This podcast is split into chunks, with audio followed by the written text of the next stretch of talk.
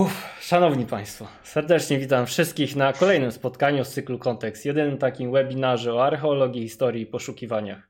Scytowie. Legendy głoszą, że byli oni potomkami mitycznego Heraklesa i Echidny, posiadającej w połowie ciało młodej kobiety, a w połowie centkowanego węża. Swych wrogów mieli zwyczaju ponoć skalpować, a ich czaszki wykorzystywać do picia krwi zwyciężonych narodów. Aż dziw, że jeszcze nie doczekaliśmy się z nimi jakiejś okładki heavy metalowej płyty. Dziś rozmawiać będziemy jednak e, nie o e, artystycznych wizjach, lecz o tym, kim byli Scytowie, e, skąd się wzięli, co o nich ogólnie wiemy, no i oczywiście o tym, jak doszło do odkrycia uznanego przez naszych widzów i czytelników za najważniejsze odkrycie zagraniczne polskich archeologów ubiegłego roku. Nazywam się Radosław Biel, jestem redaktorem czasopisma Archeologia Żywa. Jest mi bardzo miło powitać moich dzisiejszych gości, którymi są kierownik już pięciu scytyjsko-syberyjskich ekspedycji, twórca projektu Siberia Citica, pracownik Zakładu Archeologii Epoki Brązu w Instytucie Archeologii Uniwersytetu Jagiellońskiego, dr Łukasz Oleszczak. Cześć Radku, witam kolegów, dzień dobry Państwu. Są z nami również e, Dwaj uczestnicy wspomnianych ekspedycji, doktorant Uniwersytetu Jagiellońskiego, zajmujący się nie tylko analizą, ale i rekonstrukcjami kościanych zabytków i okresem chuńskim na Syberii, magister Krzysztof Michalczewski. Witamy Cię. Cześć, dobry wieczór wszystkim. A także archeolog z firmy Ingvar, terenowiec odpowiadający za wszystkie techniczne i logistyczne aspekty wyprawy, ułatwiając tym samym pracę naszym niezorganizowanym humanistycznym umysłom. Magister Igor Pienkos. Dokładnie. Dobry wieczór. Drodzy widzowie, przywitajcie ich serdecznie w komentarzach. Jeszcze raz przepraszam za małą obsługę i za problemy techniczne. Na szczęście e, wszystko powinno dalej działać. Czy chcielibyście panowie coś dodać do tego, co powiedziałem jeszcze? Jeśli chodzi o wstęp, to, to właściwie tylko się można pod tym podpisać. Wszystko się zgadza. Znaczy, dziękuję za miłe słowa. Przede wszystkim chciałbym może powiedzieć, że, że bardzo dziękuję za, za, za, pierwsze za zaproszenie i dziękuję za nominację a, a internautom głosującym za, za wybór naszego, naszego akurat, naszych badań. Na, za takie ważne wydarzenie zostało to uznane, co jest dla nas zaszczytem i dziękujemy bardzo. To tyle, co chciałem powiedzieć na wstępie. Super. Tradycyjnie jeszcze tylko przypomnę, że zapis spotkania, tak jak w przypadku wszystkich dotychczasowych webinarów, będzie dostępny E, najpóźniej jutro wieczorem na naszym kanale YouTube. E, zachęcam oczywiście do pozostania do końca. E, co dalej, co dalej? A tak, w miarę możliwości postaram się jeszcze. Zadawajcie pytania w komentarzach, będę w miarę możliwości je przekazywał naszym, naszym gościom, tak żeby nie wybijać też ich z rytmu wypowiedzi jednocześnie. No i na koniec mam zapowiedź konkursu, o którym usłyszycie jako pierwszy. Będzie związany z przyszłym spotkaniem, ale to dopiero na końcu. No i tak, panie doktorze, to od czego zaczynamy? No chyba wypadałoby zacząć od tego, kim, kim właściwie byli Scytowie. Jeżeli już e, chcemy mówić bardziej szczegółowo, potem o, o jakichś pewnych aspektach ich, ich kultury. Tak jest. No więc Scytowie był to lud koczowniczy, który zdominował stepy, właściwie wielki step od y, Europy Wschodniej, a nawet Środkowej, aż po, aż po Jenisej, pomiędzy y, mniej więcej VIII wiekiem przed naszą erą, a mniej więcej, a mniej więcej przełomem III i II wieku. Później jeszcze przez kilkaset lat oni funkcjonowali na arenie historii, ale powiedzmy, że już nie byli wówczas jakby głównymi aktorami tych wydarzeń, raczej zostali zepchnięci przez inne ludy do jakichś tam niż, powiedzmy, jak na Krym czy do Dobruczy. Więc to tak w bardzo wielkim skrócie. Trzeba jednak e, też zaznaczyć, że e, właściwie można dwojako rozumieć to, to pojęcie scytowie. Po pierwsze, w takim bardziej dosłownym sensie, e, rozumiemy to jako lud, który znamy ze źródeł pisanych, które, który to lud dokonywał określonych działań, które znamy też, jeśli chodzi o jakieś działania wojenne, przede wszystkim, bo z tego najbardziej słynęli w świecie starożytnym, ale też trochę znamy ich obyczajów, różnych, trochę wiemy o religii scytów i tak dalej. Więc tak stricte lud, który jest opisywany w źródłach pisanych, przede wszystkim Herodot, Wiodor Sycylijski, y, kilku innych, kilku innych autorów też starożytnych pisze o nich. E, natomiast w takim szerszym sensie, i w tym sensie możemy mówić o Scytach na Syberii i w ogóle o scytyjskiej Syberii, E, mówimy o ludach typu sytyjskiego. Zdajemy sobie sprawę z tego, że tam liczne etnosy wchodziły w, w skład tego, tego żywiołu sytyjskiego, który jak wspomniałem, od Dunaju po Jenisej funkcjonował. I na pewno mamy tu do czynienia z jakimiś lokalnymi plemionami, z jakimiś lokalnymi narzeczami. Oczywiście już tak tego nie potrafimy dokładnie rozpoznać, ale tak na pewno musiało być.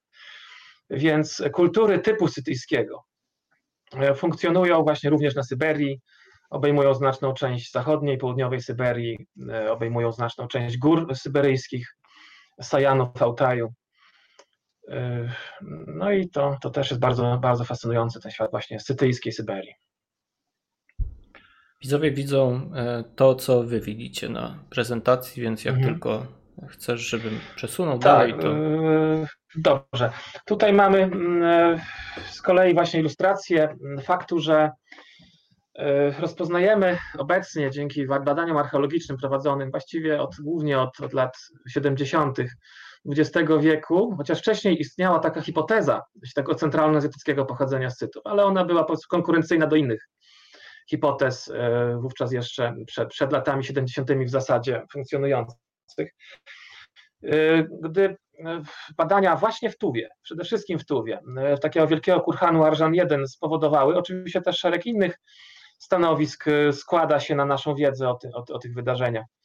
Ale też szczególnie ważny był kurhan Arżan 1 w tym kontekście, e, iż obecnie wiemy i zdajemy sobie sprawę z tego, że kolebka, kolebka tych kultur typu sytyjskiego to jest właśnie południowa Syberia, Tuwa, Hakasja, również Altaj. To są tereny, gdzie najwcześniej ten, ten y, sytyjski model kulturowy się wykrystalizował. Y, chociaż już Herodot podejrzewał, Herodot podając różne y, hipotezy o, o pochodzeniu Scytów, między innymi tą, którą ty wymieniłeś, o tym, o tym, że są potomkami Heraklesa i Echidny. Jest też hipoteza o tym, że pochodzą od Kolaksaisa, który miał być synem córki boga rzeki Borystenes i Targitaosa, więc te legendarne, on podaje te legendarne mm, e, hipotezy, czy, czy powiedzmy legendy, które krążyły w ówczesnym świecie o pochodzeniu Scytów, ale też mówi sam Herodot jeszcze, czy pisze, że jemu się osobiście najbardziej wydaje prawdopodobne, że Scytowie pochodzą z głębi Azji. I tu też przytacza taką historię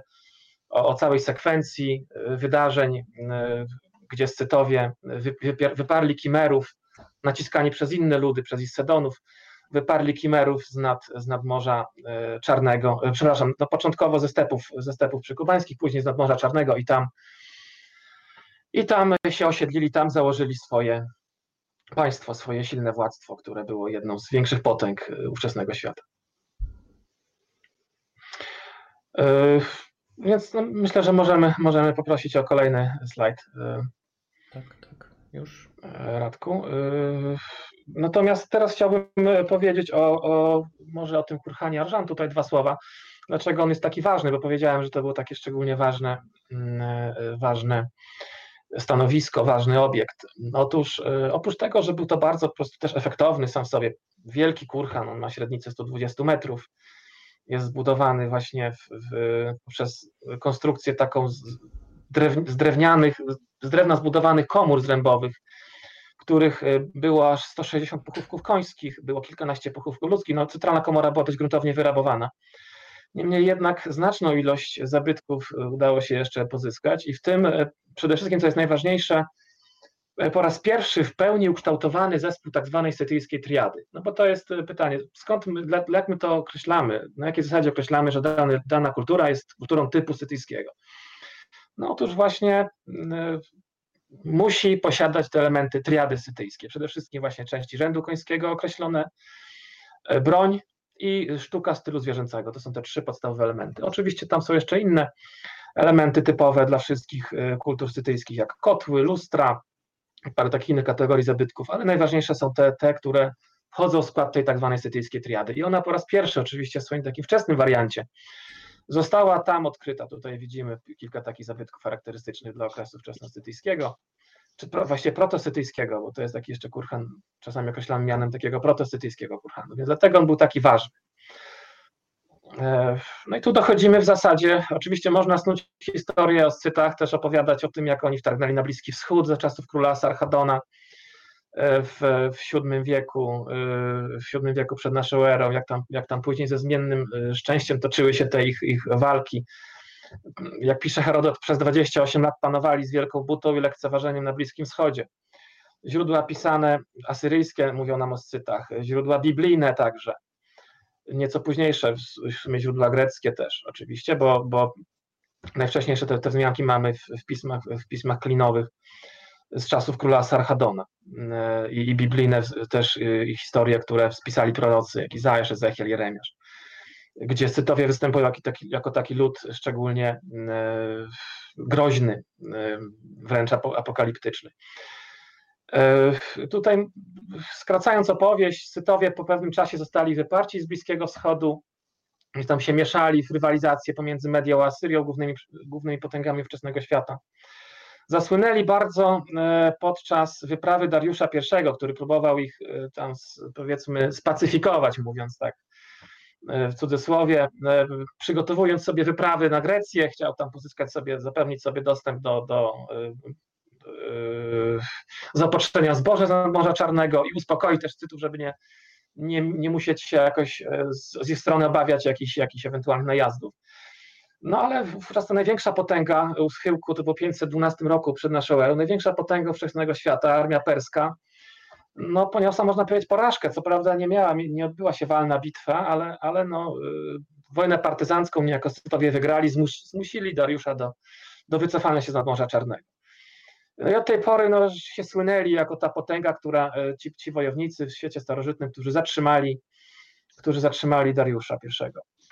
Również no, słynęli z okrucieństwa, też Herodot podaje te, te historie, które też, o których, o których e, mówiłeś na początku, e, Radku, że, że e, pili z czaszek pokonanych wrogów, że, że, spożywali krew wrogów, że zdzierali skalpy i tak dalej. Co, co jest ciekawe, jeżeli już będzie mowa o południowej Syberii, tam w, w niektórych kurhanach, szczególnie na Altaju, znajdujemy potwierdzenie tych znanych ze źródeł głównie pisanych historii, które ciężko byłoby e, w źródłach archeologicznych nad Morzem Czarnym rozpoznać, e, takich jak na przykład e, właśnie skalpowanie wrogów, to akurat jeszcze można na czaszkach dość, dość, dość łatwo rozpoznać. Natomiast takie historie jak mumifikacja, na Altaju mamy potwierdzenie postaci znalezionych, zachowanych w lodzie mumii. Takie historie jak palenie konopi przez cytów w specjalnych konstrukcjach, takich namiotach, takie, takie zabytki potwierdzające te zwyczaje też zachowały się na Altaju. E, więc ten świat e, sytyjsko-syberyjski też jest o tyle istotny, że on potwierdza, że on potwierdza źródła pisane, takie jak właśnie jak Herodot i jednocześnie e, mamy do czynienia z potwierdzeniem tego, tej jedności kulturowej pod względem nie tylko kultury materialnej, ale także obyczajów, jakie, jakie się za nią gdzieś tam kryły i które próbujemy rozpoznać archeologicznie. Ważnym terenem jest Tuwa i tu rzeczywiście E, chciałbym może powoli, powoli przejść do, do, e, do tej historii, która szczególnie mm, e, Tam szczególnie nas, nas wciągnęła, nas nam jest bliska. Mamy tutaj zaznaczoną Tuwę na mapie Eurazji. To jest taki kraj, no, Republika Federacji Rosyjskiej, wielkości około 1 trzeciej Polski, zaludniona przez ludność, która by się zmieściła powiedzmy no mniej więcej chyba w Białymstoku lub w Kielcach, tej wielkości miasto, to jakby cała, cała, cała ludność Tuwy z czego y, też prawie połowa mieszka w stolicy, więc pozostała część kraju jest taka rzeczywiście dość odludna. To jest też ciekawy kraj bardzo pod względem takiej obserwacji etnologicznych, y, kontaktów z miejscową ludnością. Y, I, i, no ale archeologicznie też niezwykle ciekawy, szczególnie dla scytologów. A to właśnie z tego powodu, że, że te, w okresie wczesnoscytyjskim Tuwa wydaje się była centrum centrum e, świata, przynajmniej tej, tej części południowej Syberii, przyległej do, do Tuwy, gdzie, gdzie z pewnością jakaś e, władza polityczna musiała sięgać daleko poza granice też tego kraju. Dlatego, że co obserwujemy, zwłaszcza w Dolinie Królów, do której powoli chciałbym zmierzać,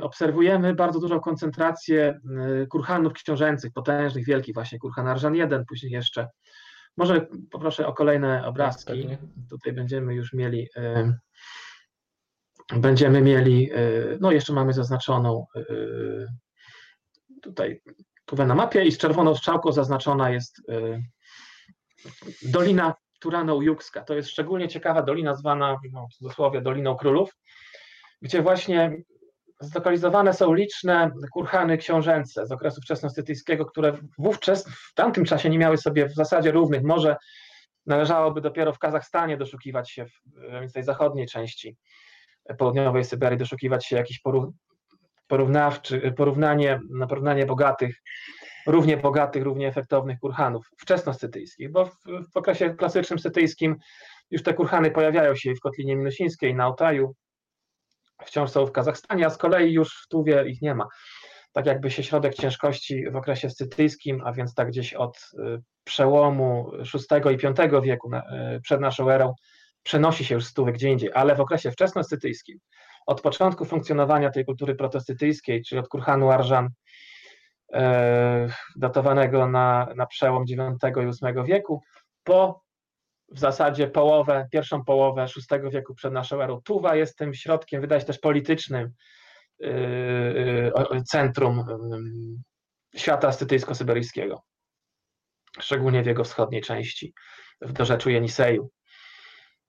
No właśnie, no do, dorzeczu Jeniseju to jest, to jest górnego Jeniseju, to, to, to jest właśnie Tuwa, z Tuwy wypływa ta, ta jedna z największych syberyjskich rzek. I tutaj mamy już kilka obrazków, takich krajobrazów z y, samej mm, Doliny Turano-Judzkiej, bardzo piękna krajobrazowo.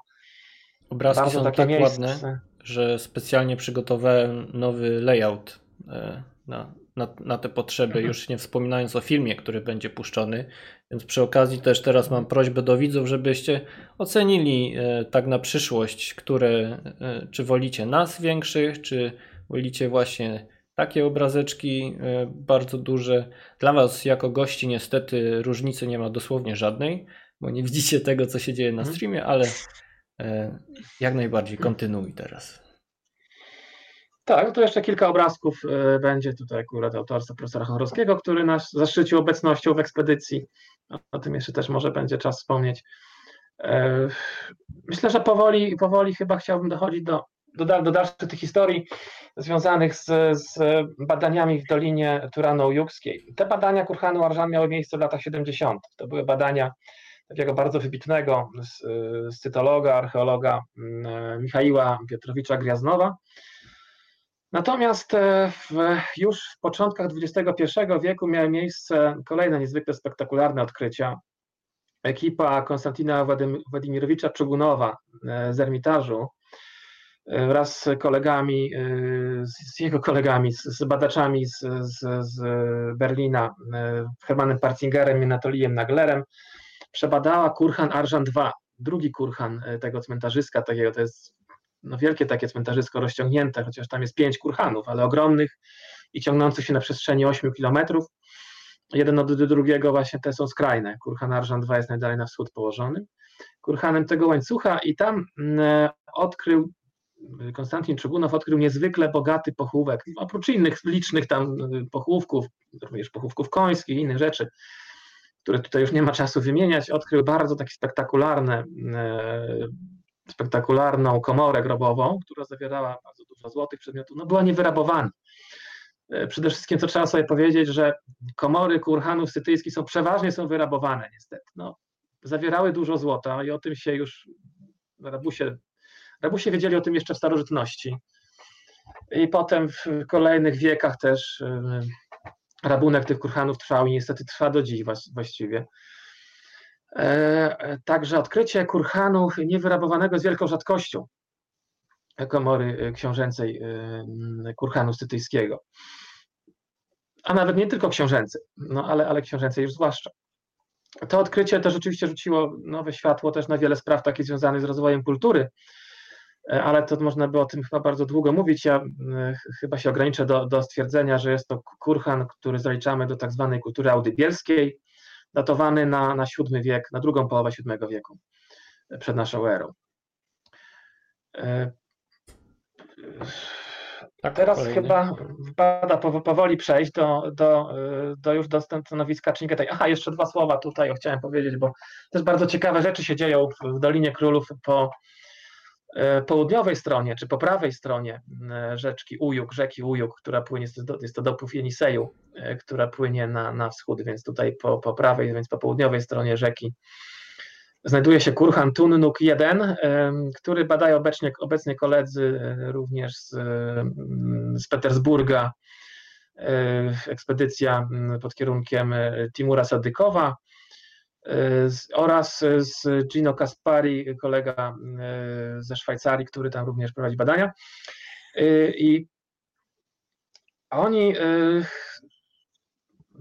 powiem tak, mają nadzieję, bo tak to, to można chyba określić, że, że kurhan, który badają, może się okazać jeszcze starszy niż kurhan Arżan 1 i wówczas, wówczas to byłoby o tyle fascynujące, że jeżeli to był rzeczywiście sytyjski kurhan, no to, to byłby najstarszy taki obiekt, wówczas ten Tunuk 1. No ale na razie to są tylko hipotezy badawcze, powiedzmy, y, y, postawione na podstawie danych z badań, badań y, radiowęglowych, tam próbek drewna z tego kurhanu, no jest to taka jeszcze, jeszcze przesłanka, że tam jest bardzo podmokły teren, tam jest bardzo ciężko w ogóle dojechać, oni mają problemy z ekspedycją. E, czy teraz już nie, bo zapewnili sobie pomoc, e, e, pomoc wojska i takimi wielkimi autami na, na gąsienicach docierają do tego kurhanu. Że po prostu przed okresem subatlantyckim, czyli przed połową IX wieku, przed naszą erą, tam po prostu nie byłoby możliwe budowanie kurhanu, w ogóle tam funkcjonowanie i tak dalej. Ponieważ znaczy, przepraszam, właśnie odwrotnie, właśnie przed, tylko, tylko przed połową IX wieku, bo później w okresie e, subatlantyckim, kiedy następuje e, e, okres bardziej wilgotnego klimatu, już by się nie dało tego po prostu zrobić. Mhm. Więc stąd jest taka też hipoteza przesuwająca datowanie tego kurhanu na, na pierwszą połowę jeszcze IX wieku. Jeżeli by to się potwierdziło, to będzie to bardzo ciekawe. A kurhan i tak jest ciekawy, niezależnie od, od tego, jak on ostatecznie będzie wydatowany. Na razie głównie znajdują zabytki późniejsze z, z z okresu wpływów chuńskich na Syberię. E, w takim razie chciałbym przejść do, do omawiania chyba już naszego, e, w cudzysłowie naszego, przede wszystkim e, Konstantina Władimirowicza Czugunowa, cmentarzyska, przez niego badane cmentarzysko Chingetej. Więc historia jest taka, że zostaliśmy zaproszeni przez Konstantina Władimirowicza Czugunowa, którego nazwisko już padło, właśnie wybitnego badacza, scytologa, do współpracy przy badaniu cmentarzyska Chingetei. Od już chyba 12 lat, trzeba, trzeba powiedzieć już 13, będzie, będzie miał chyba 13 rok badań w, na Kurhanie Chingetei 1, to jest ten obiekt najdalej na zachód wysunięty, jeśli chodzi o te kurhany książęce. Widać taki duży obiekt, który jest na, na samym końcu tej północnego, północnego łańcucha cmentarzyska. E, Kurhan jest wydatowany już tak wstępnie na, na przełom VII i VI wieku. Myślę, że można tak. E, tak. Myślę, myślałem, że się strzałka jeszcze pojawi, bo gdzieś widziałem strzałkę, ale dobra. A to może gdzieś przepadła, nieważne. E, w każdym bądź razie mm, tutaj też widzimy mm, oznaczenia tego, lokalizacji tego kurhanu względem kurhanu Arżan II. No i na północy mamy kilka osad. O osadach to może za chwileczkę jeszcze powiem e, dwa słowa. E, więc zostaliśmy zaproszeni do współpracy przy badaniu tego, e, tego cmentarzyska. Podczas gdy ekipa Konstantina Władimirowicza Czugunowa bada kurhan książęcy, stricte należący na pewno do jakiegoś władcy, bo to jest tak potężny obiekt, tak tyle pracy w niego włożono, że tutaj nie ma żadnej wątpliwości, że, że musiał to być jakiś władca, który, który któremu były podporządkowane jakieś liczne, liczne rody mm, koczownicze. Y, y, to, więc te badania tam trwają od kilkunastu już lat właściwie. Jest to, w zasadzie to jest takie sanktuarium, to jest taka świątynia grobowa, można powiedzieć, nie tyle kurhan, ponieważ no, tam architektura jest niezwykle skomplikowana. Są warstwy ziemne, kamienne, skomplikowana stratygrafia wkopanych w nasyp też grobów Y, już osiem grobów y, zostało wyeksplorowanych, takich towarzyszących pochówków, ale wszystkie datowane na ten sam czas, właśnie na, na przełom, mniej więcej, na, na przełom VII y, i VI wieku przed naszą erą.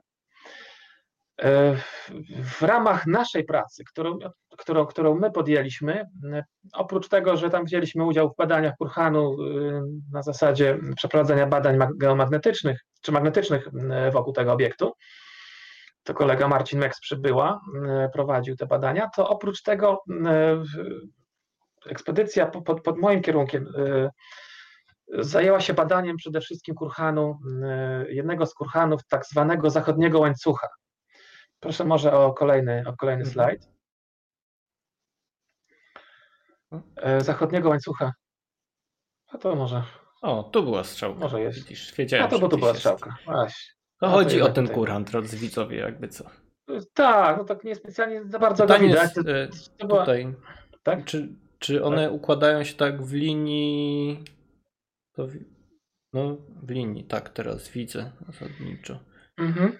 Czy to jakiś tak, przemyśl... tak. większa idea za tym jest, czy. To znaczy tak, no. Y, to jest, to jest typowa cecha organizacji przestrzennej tych cmentarzy, typowe, typowe rozplanowanie. One są lokalizowane w takich łańcuchach. I to zarówno te e, cmentarzyska elitarne, jak i taki, na takich kurcha, cmentarzyskach pomniejszych, jakiś powiedzmy e, tak zwanej zwykłej, nazwijmy to ludności, e, albo arystokracji plemiennej. Wszyscy ci koczownicy scytyjscy budowali rzeczywiście takie mm, łańcuchy kurhanów. Być może jakoś tam związane to było z, z, organizacją rodową. No na pewno, na pewno za, za taką organizacją przestrzenną cmentarzyska jakieś, jakieś idee religijne stały i społeczne. To jest, to jest charakterystyczna oczywiście cecha. I tutaj mamy do czynienia z dwoma takimi mm, łańcuchami mm, głównymi, potężnych tych kurhanów, tam książę, w tym książęcych, szczególnie ten Shingete 1, szczególnie duży kurhan książęcy. I jedno, tak, jeden taki łańcuch, właśnie ten, który tutaj widać na zachód od, od, od kurhanu książęcego. On był taki trochę dziwny, trochę inny, o innej nieco orientacji, bardziej orientacji północ-południe, z lekkim, z lekkim, no tak jak Państwo widzicie zorientowany, już nie będę tego opisywał. Szczególnie interesujący wydawał się obiekt tutaj też po naradzie z Konstantinem Władimirowiczem Szygunowym, który, który tutaj też zasugerował, że może ten kurhan by się okazał warty badania.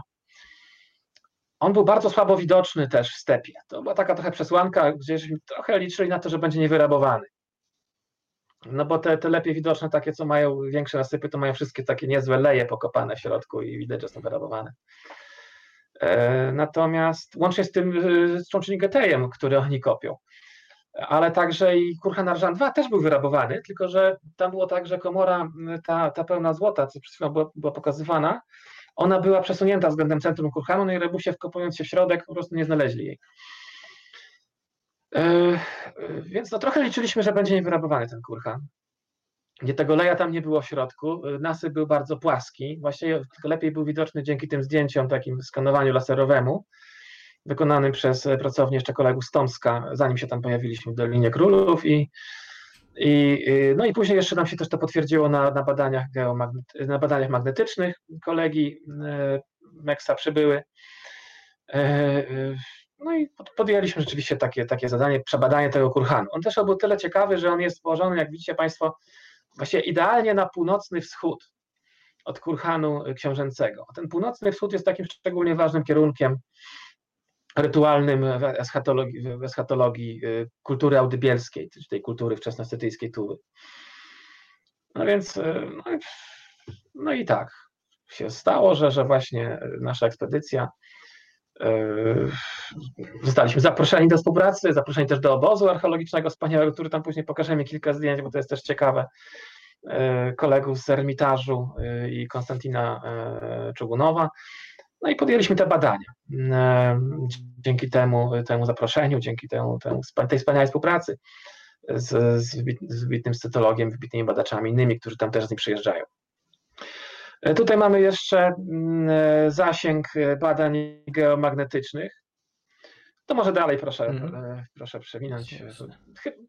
Wydaje się, że nie będziemy się długo zatrzymać. Tutaj Max by o tym dużo poopowiadał. Ale, o ale pewnie... badaniach inwazyjnych zrobimy sobie kiedyś w ogóle odrębny tak, webinar, bo właśnie, to jest bo taki to, jest, temat to, jest trochę, trochę, odrębny temat, który można by tutaj Jedyna mówić, e, szybka anegdota długo. ode mnie, e, żebyś sobie chwilkę odpoczął. E, jeśli chodzi się z tym urządzeniem, to świetnie pasuje do, e, do pomiarów puszczenie Marszu Imperialnego z Gwiezdnych Wojen. Po prostu boki mm. zrywać. tak, to ciekawe by to było. Szczególnie y, przy, tych, przy tej ilości komarów, które, które tam były. No to tutaj mogą koledzy potwierdzić. Tutaj Potwierdzamy.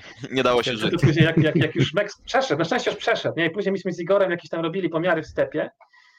Praktycznie się nie dało utrzymać przez chwilę GPS-a w jednym ręku, bo te komary przyszły pod koniec lipca. Na szczęście było już Mhm. po tych badaniach, bo ja sobie nie wyobrażam, jak można było z zajętymi rękami tam chodzić. yy, Wtedy, kiedy już przyszły te komary. No ale to, To, by było niemożliwe. no, Dajcie to, mi na no, takim nie, nie, nie stepie. się. Ja nie miałem przyjemności być. Jak wysoka jest taka trawa na tym? Tak, z pół metra. Z pół metra ma taka trawa stepowa. No to, no to mają. Jeszcze było pytanie, skoro mamy chwilę takiej e, przerwy, o tą konopię. Jak rozpoznaje się? Czy, czy, czy będziesz jeszcze wspominał o tej konopi? Bo temat pewnie No nie nie planowałem, nie planowałem, mogę powiedzieć. yy, Jak się rozpoznaje, tylko było pytanie-? Że oni to palili? Tak, tak, skąd wiadomo. No, y, po pierwsze od Herodota, Mhm. e, po drugie ze znalezisk roślin po prostu, które są zachowane w, w kurhanach. No. W kurhanie Pazyryk II znale- została znaleziona na Altaju, to jest na Altaju, in, inna troszeczkę kraina geograficzna, też góry południowo-syberyjskie, ale nieco bardziej na zachód od Tuwy. Została znaleziona sakiewka, w której y, znajdowały się po prostu konopie, kanabis. E, To słowo zresztą właśnie y, już też było w, funkcjonuje w przekazach historycznych starożytnych. E, No i dlatego, stąd, stąd wiadomo właśnie. Również w innych kurhanach, nie tylko, to nie jest jedyny, jedyny przypadek. E, Po prostu znajdowano te rośliny w, w, w kurhanach. Dobra, lecimy dalej. Który obrazek teraz pragniesz? Bo są jeszcze widoki. Może być ten, tak. Może być ten. e, To jest widok kurhanu przed badaniami. To w zasadzie można teraz troszeczkę szybciej e, zmieniać. To może według uznania, Radek, możesz, jeżeli, jeżeli uznasz, że dany obrazek się opatrzył widzą, bo będę teraz chwilę po prostu tak ogólnie może mówił. A, jasne. E, O, tutaj, widać, tutaj widać krowy.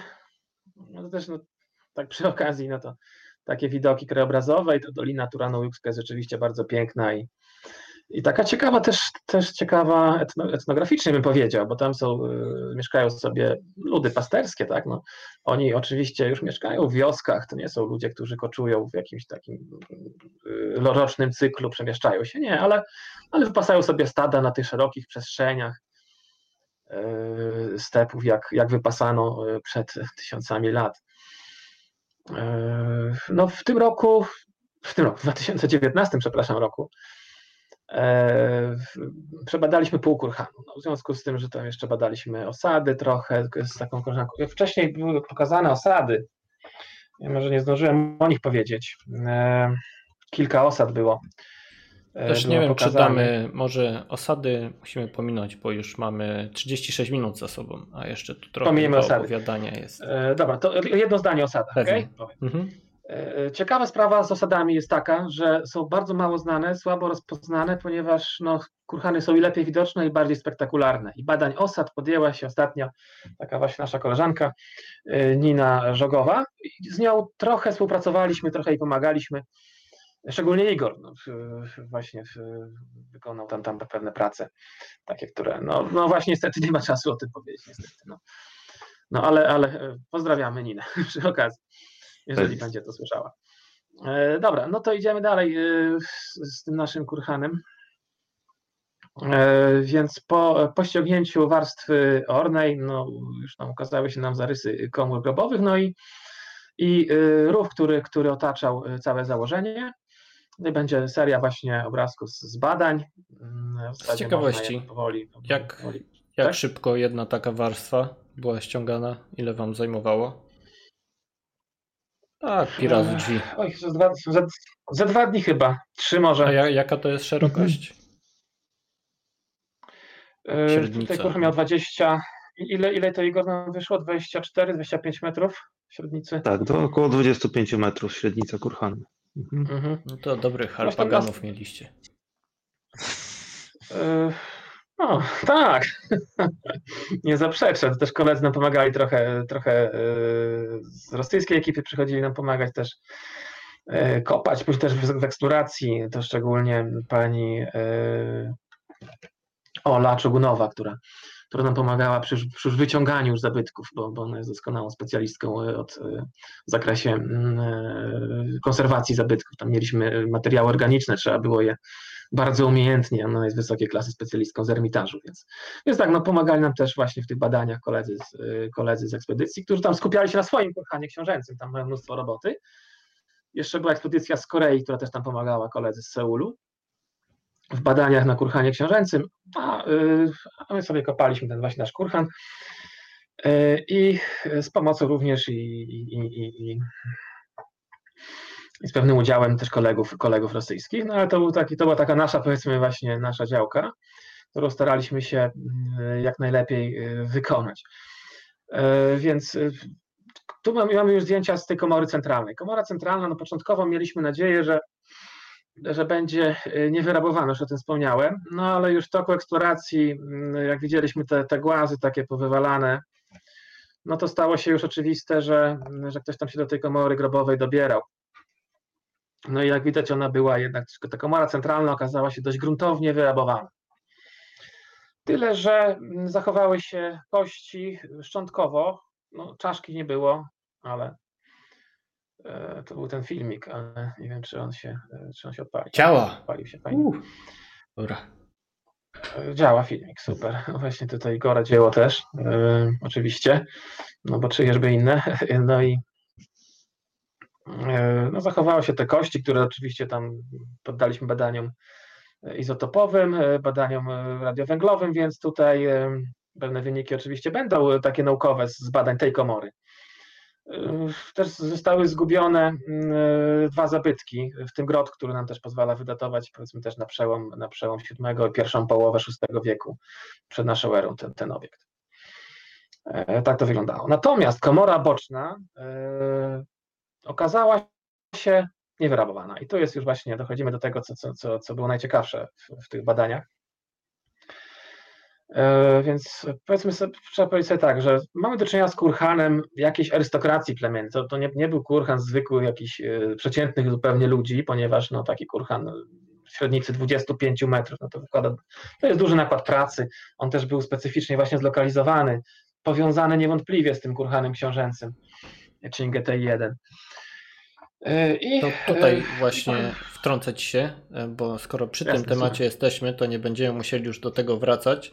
Jak duże były to społeczeństwa, skoro były zdolne budować tak duże założenia grobowe? Czy jesteśmy w stanie powiedzieć? To pewnie o, o, o tych wsiach automatycznie by wyszło, ale padło pytanie o to, jak oni. Jak, jak liczne były, tak? Jak... No, no orientacyjnie, jeśli. No, orientacyjnie, no jakieś jakieś tysiące ludzi, raczej dziesiątki tysięcy ludzi powiedzmy niż, niż, niż setki tysięcy. Mhm. Jeżeli chodzi o powiedzmy tam e, Tuwę. No. no to jest tak, że no, pasterski tryb życia e, wymaga dość, dość dużych przestrzeni, większych znacznie niż, niż rolnictwo. Oczywiście e, koczownicy w pewnym zakresie też uzupełniali dietę temat w ogóle bardzo, bardzo można tutaj długo o tym mówić. Uzupełniali dietę o pewne, o pewne rośliny i uprawiali pewne rośliny, szczególnie prosto, które w takich warunkach stepowych było, e, było łatwiejsze do uprawiania. Stąd można przypuszczać, że w pewnych, w pewnych regionach tego świata asytyjsko-syberyjskiego gęstość zaludnienia była mm, w pewnych okresach większa, w innych mniejsza, nie? Więc to mamy do czynienia ze światem, który przez setki lat funkcjonował na, na przestrzeni tysięcy kilometrów, więc ciężko jest tutaj jakoś jednoznacznie na to odpowiedzieć, ale, mhm. ale no powiedzmy tak, jeżeli dzisiejsza Tuwa jest e, przez ludność głównie też żyjącą z pasterstwa, zamieszkana e, i mieszka w niej około mm, dwustu kilkudziesięciu tysięcy ludzi, no to raczej, raczej możemy przypuszczać, że, że, że, na pewno znacznie mniej tych ludzi było w okresie sytyjskim, gdzie jednak nie było tych miast, które teraz są, bo jednak w samym Kyzyle mieszka 100 tysięcy ludzi, więc raczej myślę, że, że, że może to było kilkadziesiąt tysięcy ludzi, ale konkretnych takich wyliczeń albo nie ma, w każdym razie ja ich nie znam, szczerze No, rozumiem. Mogę tylko tak szacunkowo, tak jak ja to Jasne, rozumiem no. powiedzieć, nie? Jasne, o to chodziło. Tak, tak mniej więcej, tak mniej więcej bym to widział. Trzeba sobie powiedzieć, że czym innym jest jeszcze właśnie kwestia, gdzie oni mieszkali, a gdzie chowali swoich zmarłych, nie? Bo, bo dolina, e, taka dolina Turano-Jubska była jakimś miejscem e, ważnym eschatologicznie dla na pewno ludów, które mieszkały też znacznie mm, dalej gdzieś, nie?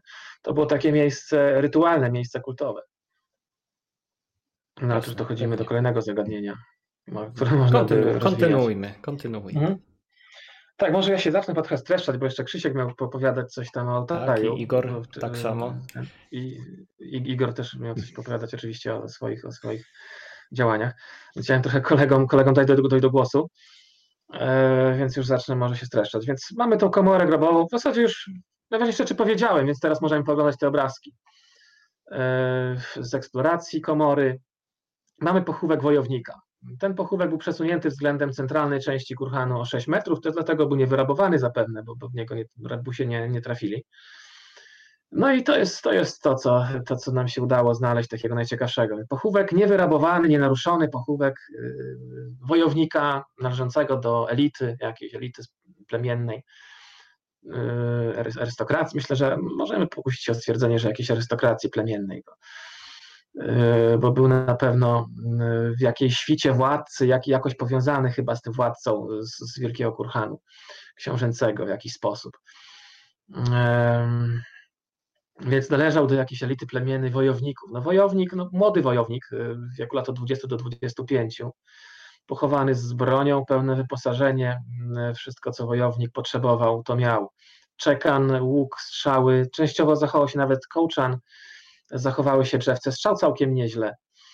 Zachował się częściowo drzewce czekanu, Narzędzia miał jakieś typu nóż i, i osełkę oraz y, złote ozdoby, pektorał, y, tutaj taka, taka blaszka złota y, na szyi i, i kilka złotych ozdób głowy. No i w zasadzie to chyba tyle, co, co chciałem opowiedzieć. Jeżeli jakieś pytania się pojawiły, to, to słucham. I może jeszcze Pytań tam jest pełno i od razu, jakieś, jakieś obrazki. od razu mówię, że wsz- wszystkich nie uda, nie, nie uda się zadać pewnie. Yy, Mhm. Jakieś tutaj, które zdobyło może najwięcej. lajków. Tak, najwię, najwięcej lajków. Yy, Jak należy rozumieć określenie ludy scytyjskie? Czy chodzi tylko o podobieństwo kultury, czy także o wspólny organizm państwowy, to jest czy stówy rządzono Krymem? Znaczy no stówy na pewno nie rządzono Krymem, to, to, to można z całą pewnością stwierdzić.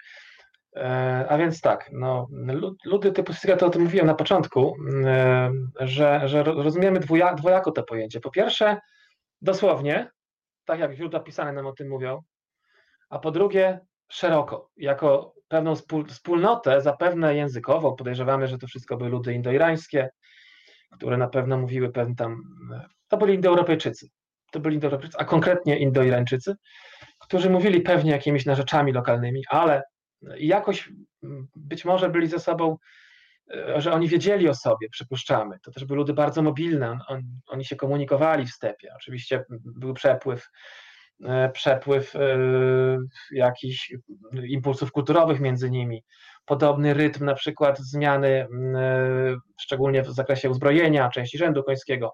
Więc te kultury, te kultury były ze sobą, te plemiona, może tak powiedzmy, my to widzimy jako kultury, ale, ale rozumiemy jako plemiona, były ze sobą powiązane, spokrewnione, ale nie tworzyły jednego organizmu politycznego. To, to, to, to nie było możliwe. Nad, nad Morzem Czarnym istniał jakiś na pewno silny, silny taki ośrodek e, władzy scytyjskiej. A w Tuwie zupełnie inna kwestia, to, to jest kilka tysięcy kilometrów. E, Oni nie sobą, sobą nie, nie rywalizowali, ani nie, nie, nie podlegali sobie nawzajem. Co tutaj jest Inne powiedzmy, jeszcze? też znamy E, wiele ludów typu sytyjskiego z przekazów pisanych z, na przykład z Azji Środkowej, jak Massageci, Sedonowie, mhm. Sakowie Kazach, Kazachstanu, no więc Prośba o syberyjskich, przypom przypomnienie datowania jeszcze. datowanie kultury sytyjskiej to jest od yy, początku, od, od przełomu IX i VIII wieku przed naszą erą yy, do w zasadzie yy, przełomu III i II, po czym następuje okres dominacji plemion sarmackich na zachodzie, a Hyungnu, tak zwanych no, Hunów syberyjskich, Hyungnu na wschodzie, o tym Krzysiek jeszcze powie właśnie dwa słowa, więc co się tam później działo. Scytowie jeszcze funkcjonowali jako lud, w zasadzie do, do najazdu Hunów europejskich na Europę w wieku, których ostatecznie już tam zmiótł. Ale już jaką powiedzmy na marginesie głównych wydarzeń dziejowych. Mm, a ten kurhan? A notowanie samego naszego tego kurhanu. E, to jest podobnie jak kurhan książęcy, książęcy T1 e, od przełomu wieków VII i VI do mniej więcej połowy tego wieku. Super, dzięki. Szóstego, szóstego przed naszą erą. Dobra, lecimy dalej, bo, bo pytań jest naprawdę dużo i a tu jeszcze trochę do opowiadania jest. Czy to jest ten moment, że Igor powie, bo to też jest interesujące, tak przynajmniej mi się wydaje, drodzy widzowie, eee. jak, do, jak dociera się na taką Syberię i w ogóle działa tam, na miejscu? Eee.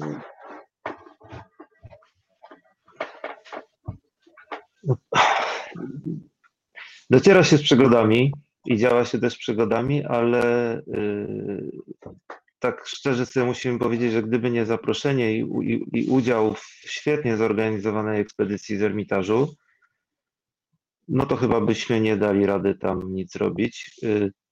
Przed chwilką na zdjęciach widzieliśmy obóz, yy, który, który tam jest rozbudowany właściwie już, tak jak wspomniał kolega Łukasz, od 12 lat.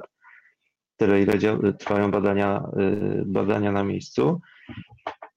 Mm, natomiast co do organizacji wyprawy, to, y, to Łukasz postawił y, ciekawe zadanie przede mną, ponieważ w trakcie mieliśmy przyjemność współpracować ze sobą podczas badań w obozie koncentracyjnym Paweł Plaszow i tam rozwinęliśmy właśnie dość mocno taką metodykę y, pracy, y, w której stosowaliśmy i drony, i GPS-a. Y, namierzaliśmy sobie zabytki, robiliśmy planigrafię w, w GIS-ie. I Łukasz zaprosił mnie do projektu w Tuwie z prośbą, żeby podobną dokumentację zrobić na miejscu. No i tutaj pojawiły się pewne problemy, bardzo ciekawe.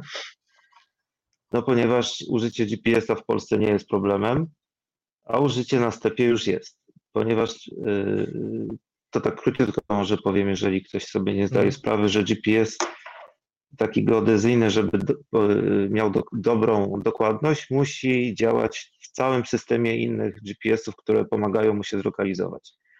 To nie działa tylko i wyłącznie na podstawie satelit.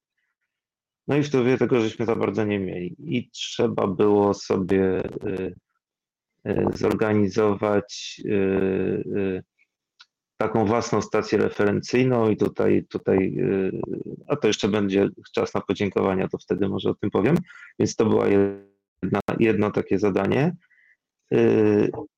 I ciekawostka z Tuwy, kiedy udało się już postawić tą stację na miejscu,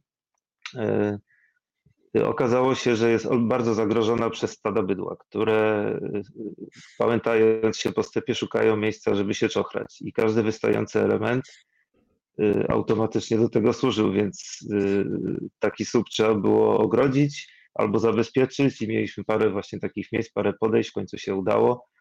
Nieraz żeśmy musieli, tutaj Łukasz królował w tym, żeby wyganiać stada bydła, które zagrażały też samym badaniom, bo wchodziły, no zniszczyły nam Y, nieraz y, wyczyszczony, wyczyszczony obszar, świadek, y, który, który na szczęście mieliśmy już jako tako zadokumentowany. Co do podróży, co do podróży, mm,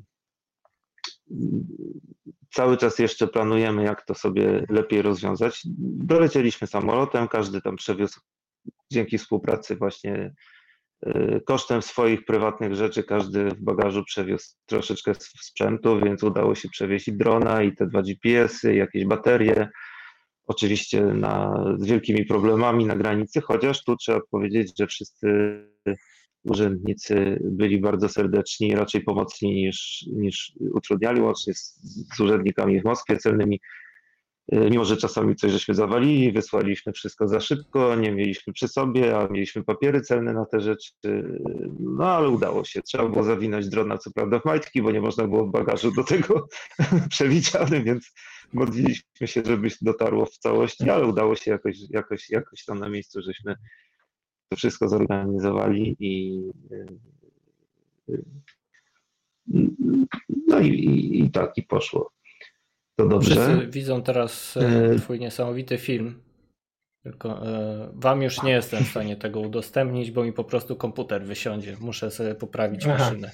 A to obejrzymy E, sobie. Mam, mam nadzieję, że wrzucicie ten filmik na waszą stronę. Tutaj chwila na shameless plugging. Syberia, jaki jest adres? Dobra, bardzo chętnie. www.siberia, myślniczek citika.pl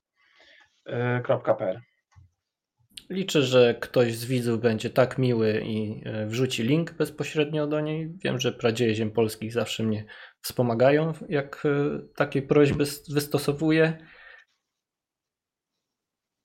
No, przygody.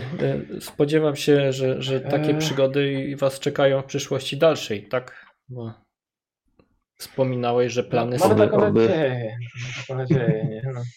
Tak, jak- tak jak mówiłem, no, przebadaliśmy na razie pół kurhanu, więc trochę tak to wyszło pod tym, pod tym względem. mm, Źle, źle ta pandemia nam się wstrzeliła, kurczę, w, w, w środek badań, nie?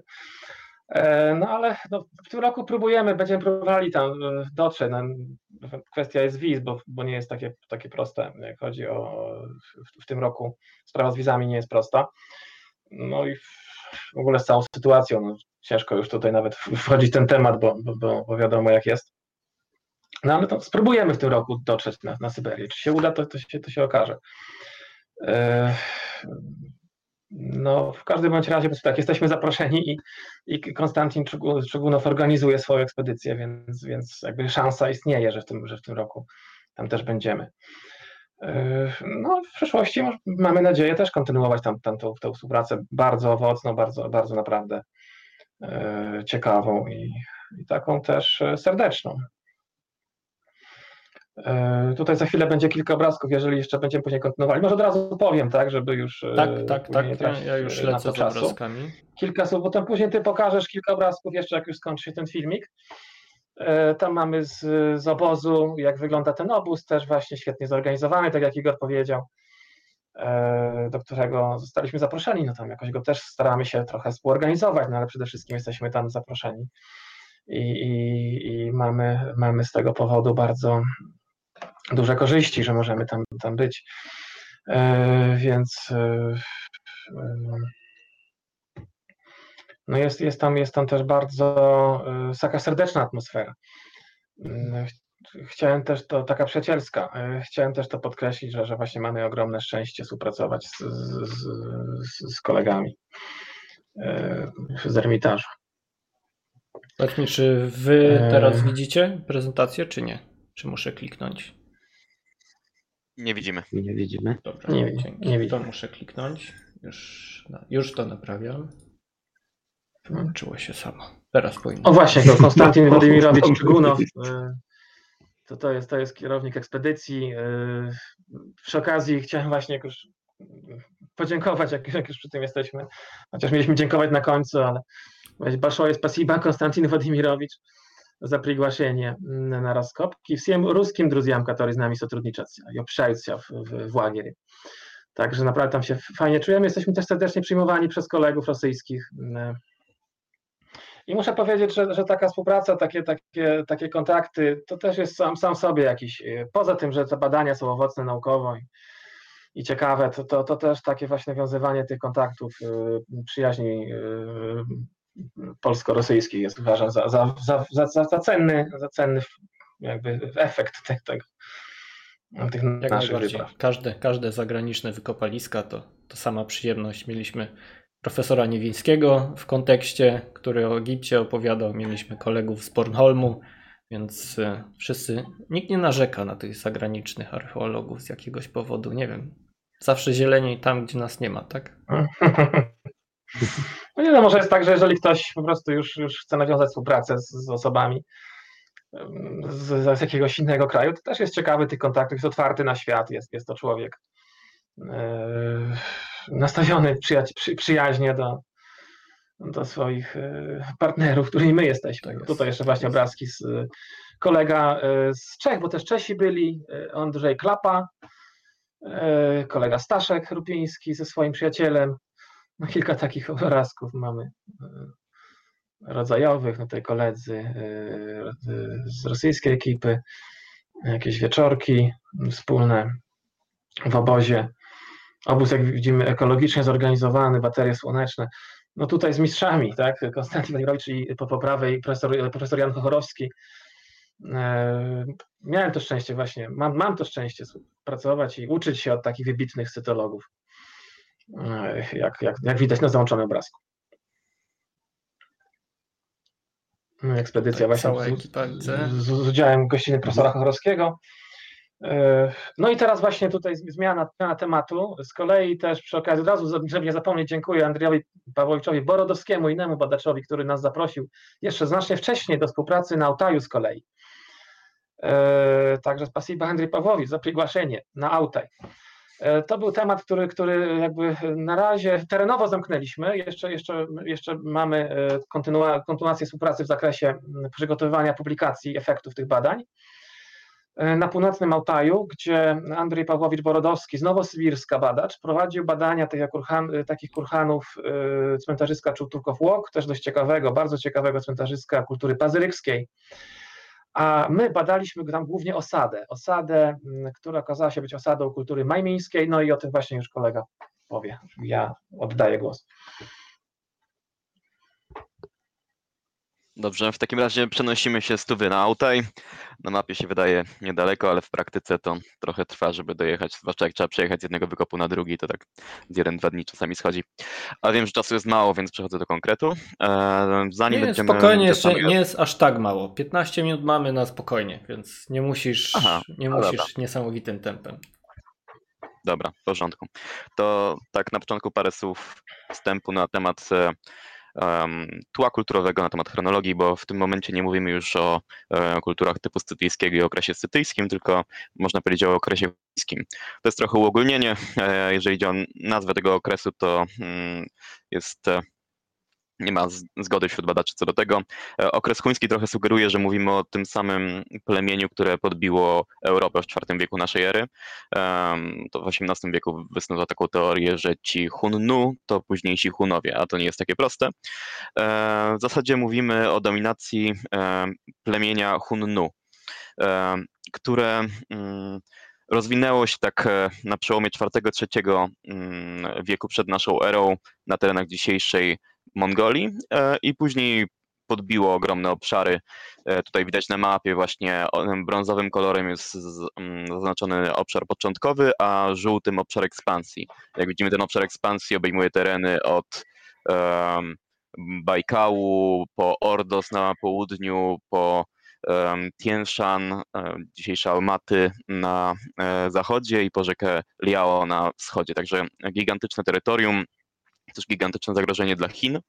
E, z tym, że tymi, z tymi Hunnu było tak, że to właściwie nie było jedno plemię, a konfederacja bardzo wielu różnych e, koczowniczych plemion. E, ponad 30 zresztą, więc to nie była też jakby konkret, konkretnie jeden etnos, a bardziej taki konglomerat. W każdym razie oni rozprzestrzenili swój model kulturowy na praktycznie całą południową Syberię, a nawet i dalej. Dlatego mówimy o kulturach typu chuńskiego. E, wiedząc, że nie konkretnie chodzi o tych Hunów od Atyli, tylko bardziej o tych Hunnui e, mm, i o kulturach, które przejęły bardzo podobny model. E, I właśnie Jueczy, czyli kultura pazyrykska, tak się uważa, że Jueczy, takie plemię związane z kulturą pazyrykską, czyli z tą kulturą scotyjską, uległo dominacji Hunnów w II wieku przed naszą erą. I na Altaju od tego czasu, od czasu najazdu Hunnu i późniejszych plemion, które kontynuowały e, bardzo podobny model, e, mamy te kultury typu chuńskiego. Możemy iść dalej ze slajdami. Mhm. E, a, nie widać tutaj napisów kultur, ale dobra. I ta osada, którą badał Łukasz razem z profesorem Borodowskim, należała do kultury majmińskiej. Kultura majmińska rozwijała się od II wieku przed naszą erą do V wieku naszej ery. E, na mapie mamy zaznaczone jeszcze parę innych e, kultur e, w tym okresie na południowej Syberii. To będzie kultura bułankobińska tutaj na południu Altaju. Na północ od kultury bułankobińskiej właśnie jest ta kultura majmińska w górskiej części Altaju. W Tuwie kultura kokelska, i nad nią mm, na północy jeszcze kultura tasztykska, ale skupimy się teraz na tej kulturze majmińskiej, która jak widać tutaj na załączonym obrazku w zasadzie pokrywa się z tym okresem chuńskim, czy, tam, czy też huno-sarmackim.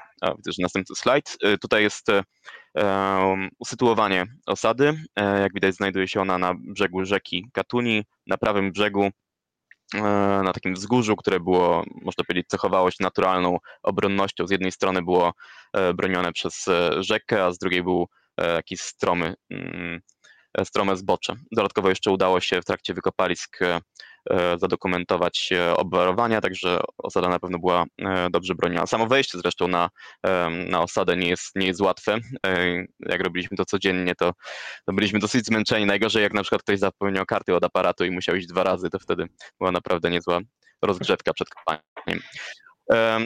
Sama osada zajmowała około 5000 m2. Mm, przekopaliśmy, e, kopaliśmy, możesz wrócić, e, tutaj to, co jest zaznaczone na czerwono, e, czyli chyba 12 ćwiartek, mm, ale mimo tego, że może przebadany obszar nie jest aż taki duży, to można powiedzieć, że jest to najlepiej przebadana pod względem metodycznym osada kultury majmińskiej do tej pory. No możemy lecieć dalej. Jasne. Proszę. Tak, tutaj na, na slajdzie widać najciekawszy obiekt, który e, znajdował się na osadzie, czyli taką ziemiankę z paleniskiem po boku.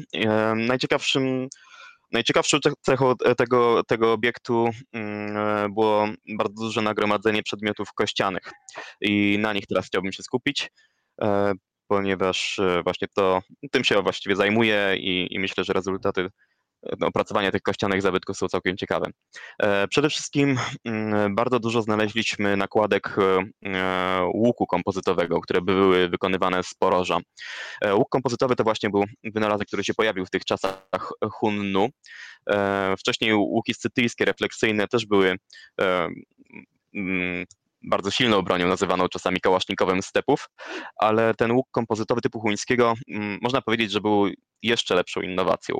On był wyposażony w taki komplet e, nakładek właśnie wykonywanych z poroża, które wzmacniały dodatkowo jeszcze konstrukcję łuku, a poroże też jest bardziej elastyczne niż kość, więc też przy tych naprężeniach łuk się nie łamał. Miał dużo większą moc, e, mógł być też przy tym mniejszy, e, i, mm, I taki wynalazek właśnie się zapoczątkował w tych czasach i rozprzestrzenił się później na te wszystkie kultury typu chuńskiego, a potem jeszcze na plemiona turkijskie. Także to się wydarzyło, można powiedzieć, w tym momencie i na tej osadzie Czudłkowo 9 znaleźliśmy wyjątkowo dużo właśnie tych nakładek tego, e, tego łuku.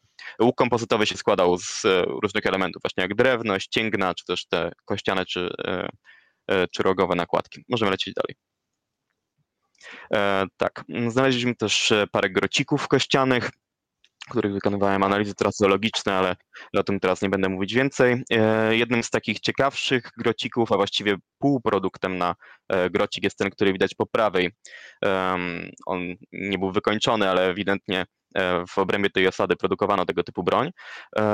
To były tak zwane świszczące strzały, czy też gwiżdżące strzały. Tu pod spodem jeszcze widać na dole rycinę z, z innych wykopalisk i e, to wyglądało tak, że taki grocik miał taką kulkę z dziurką, taki gwizdek i w momencie, kiedy strzała była wystrzeliwana, to wydawała taki wysoki świst. W ten sposób na przykład dawano sygnały podczas polowania, czy e, w trakcie walki przekazywano sobie sygnały. Także to też taka ciekawa kategoria zabytków. Możemy mhm. następny slajd. Trumla. Tak. No, ten instrument ma w ogóle bardzo wiele nazw. Jest nawet taki e, artykuł, mm, który się chyba nazywa, jeżeli dobrze pamiętam, instrument o stu nazwach. E, mówi się na niego wargan, my mówimy drumle. Jak pójdziemy do sklepu muzycznego, to jak kupimy drumle, to właśnie wygląda to tak.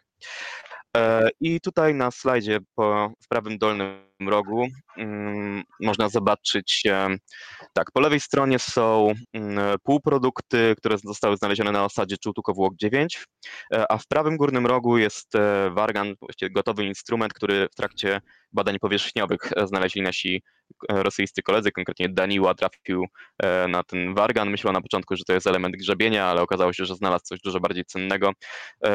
Cennego dlatego, że takie instrumenty są wyjątkowo rzadkie. Zasadniczo analogię można policzyć na palcach jednej ręki. Tutaj na, na dole slajdu pod numerem 6 i 7 są właśnie analogie, jeden z Tuwy, jeden z Mongolii. Więc to, że udało się to trafić na Altaju, właśnie z okresu chuńskiego jest mm, wyjątkowo rzadkim znaleziskiem i to, co widać po lewej stronie, to, to właśnie uważamy za półprodukty takiego instrumentu. Ten instrument e, używał się w ten sposób, że ten języczek, który jest e, po środku, wkładało się do ust. Zresztą pokażę, mam tutaj rekwizyt ze sobą, współczesną drum, drumlę. Zagrasz tam coś na drumle? Od, od... No, mogę zagrać. To jest prezent od Saszy Własowa, którego pozdrawiam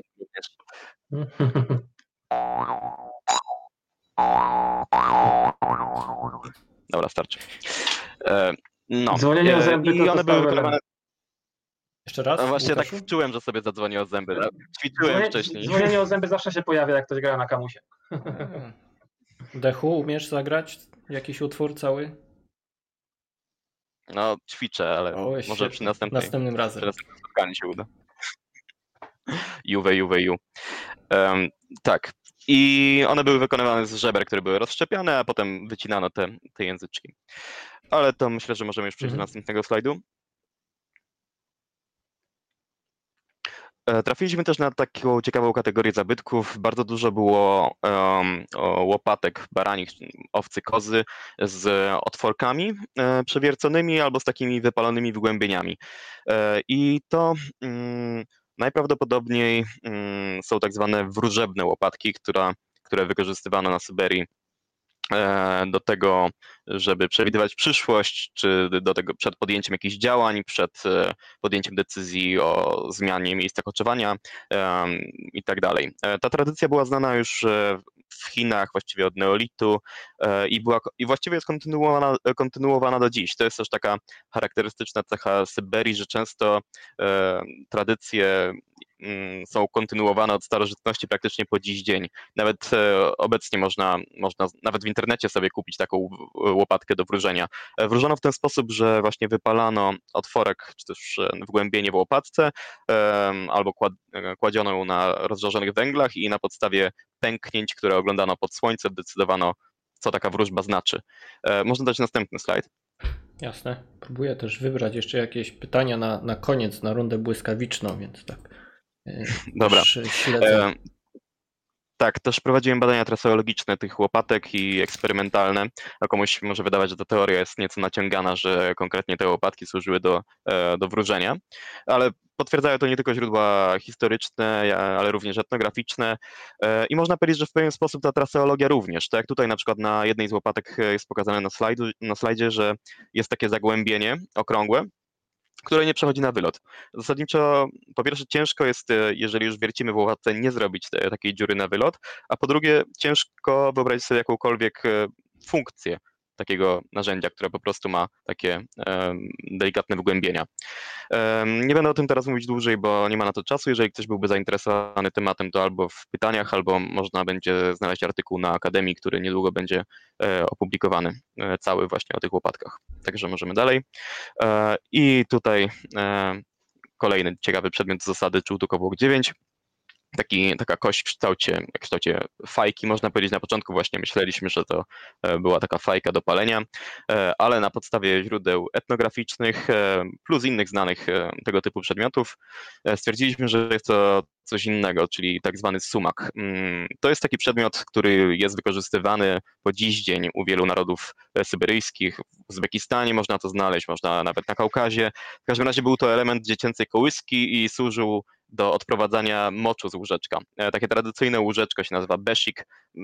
U niektórych narodów ma, ma inną nazwę. W każdym razie em, cechą wspólną jest to, że em, dziecko za pomocą takiej e, rureczki było, przy, no było przywiązane do, do łóżka, a, a ta rurka służyła do tego, żeby odprowadzać mocz, więc można było zostawić też dziecko w jakimś stopniu bez opieki i e, właśnie z tego typu wynalazki. Możemy następny slajd.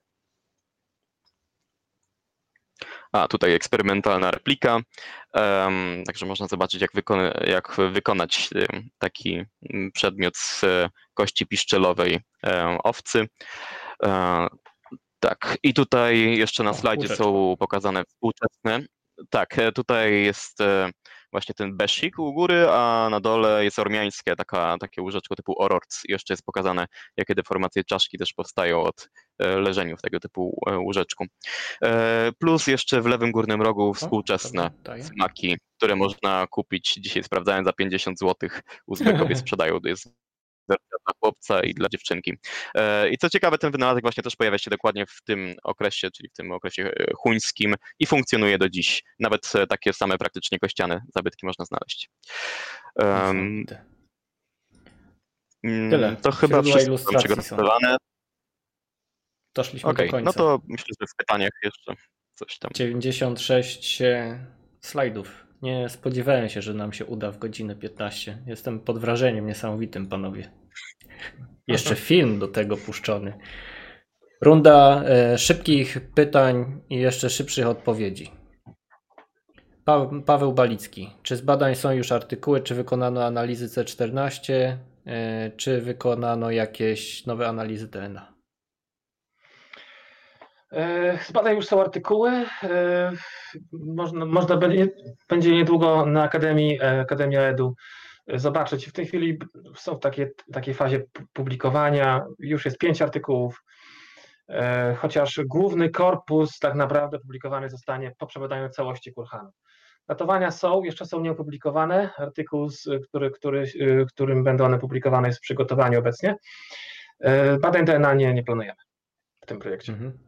I jeszcze... Badanie jest dotopowe, natomiast DNA nie. Mhm. I jeszcze od e, pana Pawła, jako że jest naszym stałym czytelnikiem, dlaczego kultury Saków, Isedonów, Masegatów, Yue czy Wusunów i tak dalej określacie jako scytów? E, ja to mm, już powiedziałem, oczywiście mogę powtórzyć. To jest bardzo dobre pytanie. E, natomiast chodzi o to, że kultury typu scytyjskiego charakteryzują się obecnością triady scytyjskiej, y, określonych y, charakterystycznych przedmiotów części rzędu końskiego, y, broni oraz stylu zwierzęcym w sztuce scytyjskiej. Oczywiście za każdą z tych elementów triady stoi pewien aspekt życia, bo nie chodzi tylko o te przedmioty same w sobie, ale o to, w jaki sposób posługiwano się końmi, w jaki sposób wojowano, i jaka była ideologia, która stoi za sztuką. Ja bym tylko wyłączył może Jueczy, który, którzy nie są raczej zaliczani do, do, e, do ludu typu sytyjskiego z, z tych wymienionych. Mhm. Chociaż, są, przepraszam, bo są hipotezy, że, że Jueczy zamieszkiwali autach, wówczas byliby ludem typu sytyjskiego, ale one są, mhm. wydaje mi się, kontrowersyjne. No. W każdym razie pytanie bardzo dobrze postawione. Pytanie od Adama Koziela, które mi się bardzo podoba. Czy bogactwo scytów mogło wynikać e, z handlu konopią? Nie sądzę. Nie sądzę, że, że, że akurat konopie byłyby takim, takim ważnym y, źródłem utrzymania scytów. Raczej tak naprawdę handel niewolnikami się wymienia, handel zbożem, pośrednictwo pomiędzy, e, pomiędzy ludami rolniczymi, powiedzmy szczególnie y, jeżeli dotyczy to scytii nadczarnomorskiej, handlowali z Grecją, niewolnikami, zbożem głównie. To, to było źródło bogactwa. Panie Adamie, konopie, o, o, no, raczej dokończ w innych celach były konsumowane. Jak najbardziej. E, panie Adamie, pytanie o genezę z jakiej kultury to na samym początku było, to nie będziemy już powtarzać. E, odsyłam na nasz kanał YouTube jutro. Boże Andrzej Walenkiewicz pyta się, są jeszcze jakieś znajdki instrumentów? Tak, są. Są znaleziska instrumentów. E, na przykład harfa, z kurhanu y, Pazyryk, y, z któregoś z kurhanów, książęcych kurhanów pazyryckich. Y, no nie pamiętam, czy jakieś jeszcze, Krzysiek, pamiętasz może, jakie są jeszcze nazwiska? Nad Morzem Czarnym też na pewno były jakieś tam mhm. ślady instrumentów. W tej chwili nie przypominam sobie konkretnych przykładów, konkretnych znalezisk, ale są. No, nawet, nawet tak się, gdzieś tam spotkałem się z takim, z takim stwierdzeniem, że Scytowie są uważani za lud dość właśnie taki, który był muzykalny. No te znaleziska jakieś tam elementów, yy, instrumentów właśnie wargany, no harfa z, z kurhanu Pazyryk to jest taki, taki przykład szczególnie spektakularny, bo ona była no, drewniana, rzecz nie, nie, mhm. która się nie mogła zachować w innych, w innych yy, okolicznościach niż w tym lodzie altajskim. Beata Badura pyta się, czy poznaliście szwajcarskiego archeologa Gino Caspari, który też w pobliżu tu wyprowadzi badania? Tak, poznaliśmy, to jest kolega tam kopiemy po sąsiedzku, odwiedzamy się wieczorami i również I gracie Igor na- pomagał, szczególnie Igor. Tak, gramy na drumli razem. Na tak. drumli, tak. Oczywiście. Igor szczególnie tam poznał ich najbliżej, bo, bo pomagał, yy, pomagał tym kolegom w coś tam yy, w jakichś pomiarach. Pani Joanna Jaga Wojtko pyta się o ślady w Polsce Sytów. Co mi się bardzo Ślady podoba, bo to jest Polsce, takie niezłe e, podsumowanie w sumie. Bardzo, bardzo dobre pytanie, dobre podsumowanie. Ślady szczytów, no tradycyjnie, y, tradycyjnie mówimy o, o dwóch jakby takich y, rodzajach y, obecności szczytów. Z jednej strony pokojowa obecność, czyli wpływy y, kulturowe, które płynęły ze strony ukraińskiego stepu i lasostepu do, do, do wschodniej Polski, szczególnie na Podkarpacie, ale także mamy ślady pod Krakowem. Na przykład w Modnicy znalezisko pochówek kobiety, która pochodziła z, z, tego, z tego środowiska sytyjskiego. Y, No i ostatnie odkrycia w 2016 roku poczynione na Grodzisku Chotyńcu y, dowiodły badacz, badacze rzeszowscy, tutaj gratulacje dla nich z ekipy profesora Czopka, Oglądają nas. dowio- no to cieszę się, pozdrawiam serdecznie, E, dowiodły, że, że, że e, ludy typu sytyjskiego, tak, no bo też nie wiem dokładnie, czy to byli Cytowie, być może Neurowie, e, zamieszkiwali ziemię polskie, zamieszkiwali konkretnie to właśnie Grodzisko e, na Podkarpaciu, w powiecie Jarosław. E, i, i być może nawet stamtąd też e, dokonywali jakichś tam rajdów, e, bo są pewne ślady po temu w postaci grotów strzał znalezionych w zachodniej Polsce. Ponieważ tym drugim właśnie aspektem jest, są najazdy, najazdy upieszcze, które przez z kolei przełęcze karpackie od południa Scytowie dokonywali na ziemię głównie Dolnego Śląska, do ziemi lubuskiej, tam są takie znaleziska y, bardzo dramatyczne, świadczące o dramatycznych wydarzeniach w Wicinie, spalenie grodu i okrutny mord na mieszkańcach. Y, Więc takie są ślady Scytów na ziemiach polskich. Tak, Chotyniec oczywiście pozdrawia i teraz e, mała prywata ode mnie. Drogi drodzy badacze Chotyńca, cały czas czekamy na artykuł do archeologii żywej albo na naszą stronę. Teraz już e, słyszało tą prośbę 300 osób, e, więc już nie macie wyboru. Nie możecie się wycofać w żaden sposób z tego. I tutaj e, pytanie z humorem od pana Piotra Zwierzchowskiego. Kiedy Scytowie przeproszą nas za Wicinę? No właśnie, to nie możemy się doczekać. E. Kogo by należało pociągnąć do odpowiedzialności? Ponoć e, naj, najbliższy, naj, naj, najbliższy, być może językowo przynajmniej, to są Osetyńcy. Może do nich z reklamacją należałoby się zgłosić. No to Bo język, według- Pani- według badań językoznawców, no to tam gdzieś język osetyński ma jakieś sytyjskie konotacje. A tak to nie wiem, do kogo moglibyśmy kierować obecnie pretensje. Yy, Czy znajdujemy zabytki kultur scytyjskich dalej na wschód, w Mongolii, konkretnie w Dolinie Orchonu? Tak, znajdujemy. Eee, W Mongolii jest dużo, dużo, dużo jest eee, w Mongolii takich zabytków. W ogóle kultura m, pazyrykska obejmuje znaczne, czyli taka, taki au- altajski wariant. Znaczny obszar jeszcze Mongolii, szczególnie właśnie tego Altaju mongolskiego. Eee, Chyba zabytki powiązane z kulturą scytyjską, nawiązujące do, do scytyjskiego stylu zwierzęcego w sztuce znajdujemy na Półwyspie Koreańskim. Także jak najbardziej tak, dalej na wschodzie są. Tomasz Wiktorzak jeszcze pisze, że grociki scytyjskie pod Toruniem. Są informacje o znaleziskach.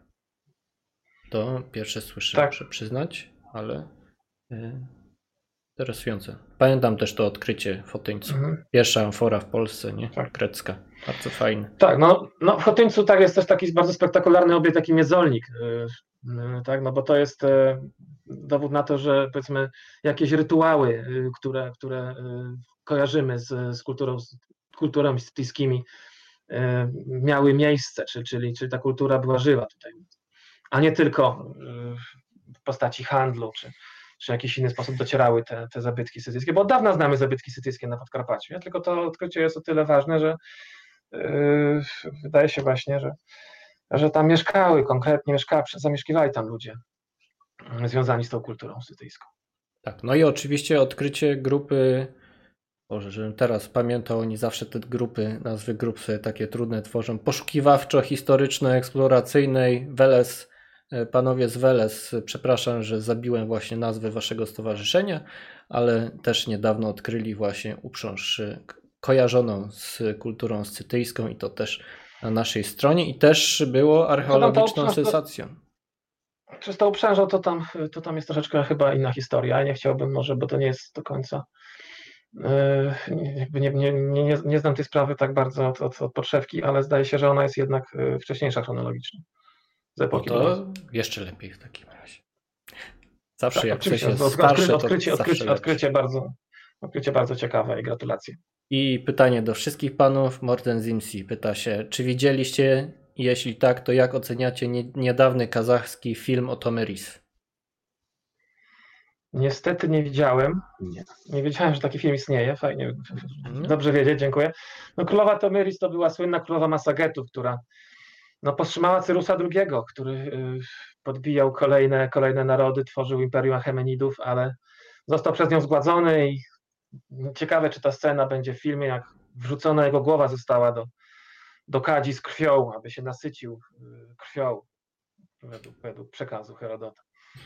No to e, możecie nadrobić w takim razie. Gdzieś tam link w komentarzach się przewinął, widziałem. I to. Dobrze, zobaczymy. A, dobra. I ostatnie pytanie. Sara Sarabi. Skąd nazwa Scytowie? Z jakiego języka oryginalnie pochodzi? Może było, może przegapiłem. No, Scytowie, ja nie mówiłem o tym, ale Scytowie no to jest e, słowo, które pochodzi powiedzmy e, do polszczyzny najbardziej weszło tak naprawdę od łacińskiego z, e, Scytians. Nie, Scytians to jest po angielsku. No w każdym razie z, z, z łaci- z łacińskiej tej wersji już właśnie ze zmiękczonym tym C. Po grecku to mamy s- skytoi, po- według, według przekazu właśnie tych historyków, historyków greckich. Skytoi Tutaj bardziej właśnie język rosyjski, skify e, od, odpowiada tej, temu greckiemu, powiedzmy, pier, pierwowzorowi. E, to z kolei być może wywodzi się od, od określenia, no tu z kolei też historycy, historycy starożytni podają, jak Sytowie sami na siebie mówili, mianowicie skoloci. No skąd się to słowo wzięło, no to już są też kolejne jakieś tam e, hipotezy językoznawcze. Niektórzy, niektórzy sugerują, że od imienia Kolaksaisa, który miałby być mitycznym przodkiem mitycznym przodkiem e, Scytów. Rozumiem. Sprawa prosta nie jest. Ryszard Matyja No pisze, że scena jest w filmie, więc nic, tylko oglądać. Dobra, Aha, no ciekawe. dojechaliśmy do Tak, końca. Chyba, chyba lepszy niż Grze o Tron, jak chodzi o, o Dojechaliśmy. tego czasu. No, no niestety tak to było. E, Były Trochę się nam przedłużyło, ale sporo. Spoiler alert. No tak, następnym razem będzie palec, przepraszamy. E, Ale to historycznie to żaden spoiler. Łukaszu, No tak, no. Łukaszu, Igorze, tak. e, Krzysztofie, bardzo dziękuję Wam za to, że zgodziliście się uczestniczyć Dzięki. w naszej małej Dziękuję. dyskusji. E, Teraz macie parę minut, żeby pozdrowić, podziękować, pochwalić się planami na przyszłość. I jako, że Łukasz ma tytuł doktora, to zacznie pierwszy. No, dziękuję bardzo. E, No przede wszystkim chciałem podziękować mojej żonie Marzence, dzięki której mogę, mogę jeździć na Syberię, no bo bo ona to wszystko wytrzymuje jakoś. I moje dzieciaki kochane pozdrowić, Radka i Olę. No i rodzinkę, resztę rodzinki, którzy- którzy mnie, ludzi, którzy mnie wspierają. Ale bardzo dziękuję ekipie, bardzo dziękuję ludziom, którzy, którzy, którzy, których chce się na Syberię jeździć. E, No и большое спасибо русским друзьям, которые нас пригласили, с которыми мы, мы общаемся во время наших раскопок. Przepraszam, że wszystkich, wszystkich nie wymienię po imieniu, ale, ale ekipa jest liczna i, i nie tylko w tej ekspedycji właśnie ostatniej, ale w tych pięciu ekspedycjach wcześniej. Ym, Bardzo dziękuję ludziom, którzy, którym, którym chce się to realizować. Dwóch z nich tutaj widać na, na załączonym obrazku, a, a, a pozostałym bardzo też dziękuję serdecznie.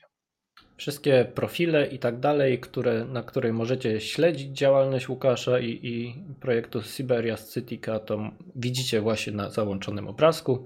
Krzysztofie, chwila dla Ciebie. Też chciałem pozdrowić wszystkich, którzy brali udział w ekspedycjach, pomagali nam, e, studentów, wolontari- wolontariuszy i e, wszystkich w ogóle, oraz również rodzinę. Wiem, że mama ogląda, więc pozdrawiam. Pozdrawiam też e, moją dziewczynę Anię, która siedzi w drugim pokoju i też ogląda i trzyma kciuki. No i w zasadzie tyle. Dzięki. Świetny profil, profil na Instagramie, bardzo ładne zdjęcia. Ja A. też muszę. Tak, ostatnio założyłem Instagrama, właśnie e, wróciłem do swojego starego hobby, rzeźbię w drewnie i też robię e, rekonstrukcje różne archeologiczne, między innymi inspirowane e, scytami, czy też e, tym st- stylem zwierzęcym scytosyberyjskim, więc jeżeli ktoś ma ochotę zajrzeć, to zapraszam. Profil się nazywa W Stepie Szerokim. Jest, jest, jest zapisane. Igorze, chwila dla ciebie. Dołączę się oczywiście do, do, do podziękowań dla, dla całej ekipy, dla y, naszych gospodarzy, dla Łukasza, który mnie zaprosił do projektu.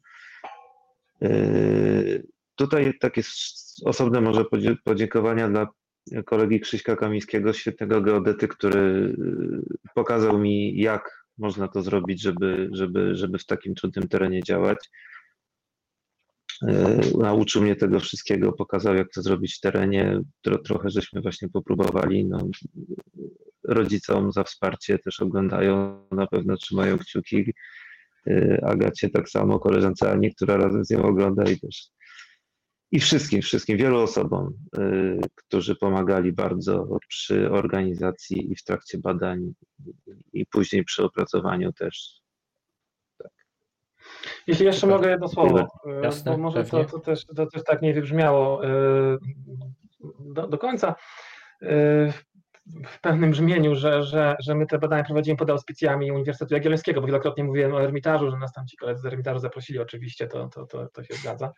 Ale badania prowadzimy pod auspicjami też Uniwersytetu- Uniwersytetu Jagiellońskiego, Instytutu Archeologii, więc też chciałem podziękować serdecznie kolegom z Instytutu, no ze szczególnym wyróżnieniem pana profesora Honorowskiego, który, który, który jest cytologiem, dzięki któremu się w ogóle ja zainteresowałem scytami i który nas bardzo od, od początku y, w tych trochę ekscentrycznych pomysłach syberyjskich wspierał i, i wziął udział również w ekspedycji ostatniej. I, i, i wybitnie nam pomógł w trakcie badań.